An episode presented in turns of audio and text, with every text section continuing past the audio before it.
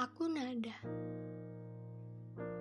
Kalian pernah gak sih naksir atau suka sama seseorang yang sebenarnya kalian sadar kalau kalian pasti gak bakal bisa buat ngedapatinnya?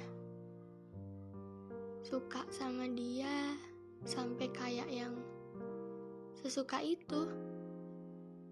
Bukan karena gantengnya dia, tapi karena pola pikirnya dia, attitude-nya dia, lifestyle-nya dia, way of speaking-nya dia, semangat dan tanggung jawabnya dia, dan masih banyak lagi. Jadi ya, gak semuanya itu tentang fisik. Sosok dia ini benar-benar ngasih dampak yang baik banget buat aku. I'm so very happy to know and with him. Walaupun aku nggak bisa buat milikin kamu, seenggaknya aku senang bisa kenal sama kamu. Itu udah lebih dari cukup.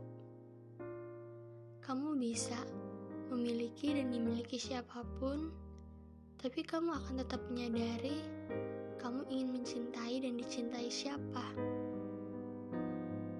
Jika akhirnya kamu gak bisa bersama dengan orang yang sering kamu sebut dalam doamu, ya mungkin kamu akan dibersamakan dengan orang yang diam-diam sering menyebut namamu dalam doanya. Pokoknya kenal dia tuh the most perfect level of happiness. Ya walaupun susah buat ngedapetinnya, it's another level of pain. Karena gak semua rasa itu harus bersama pemiliknya.